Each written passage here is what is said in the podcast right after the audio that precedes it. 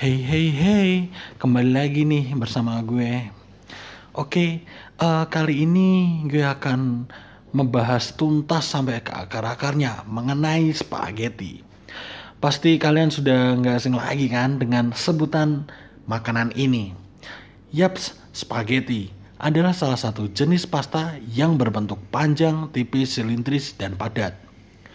Jika diperhatikan menyerupai mie pada umumnya, ini adalah makanan pokok dalam masakan Italia tradisional.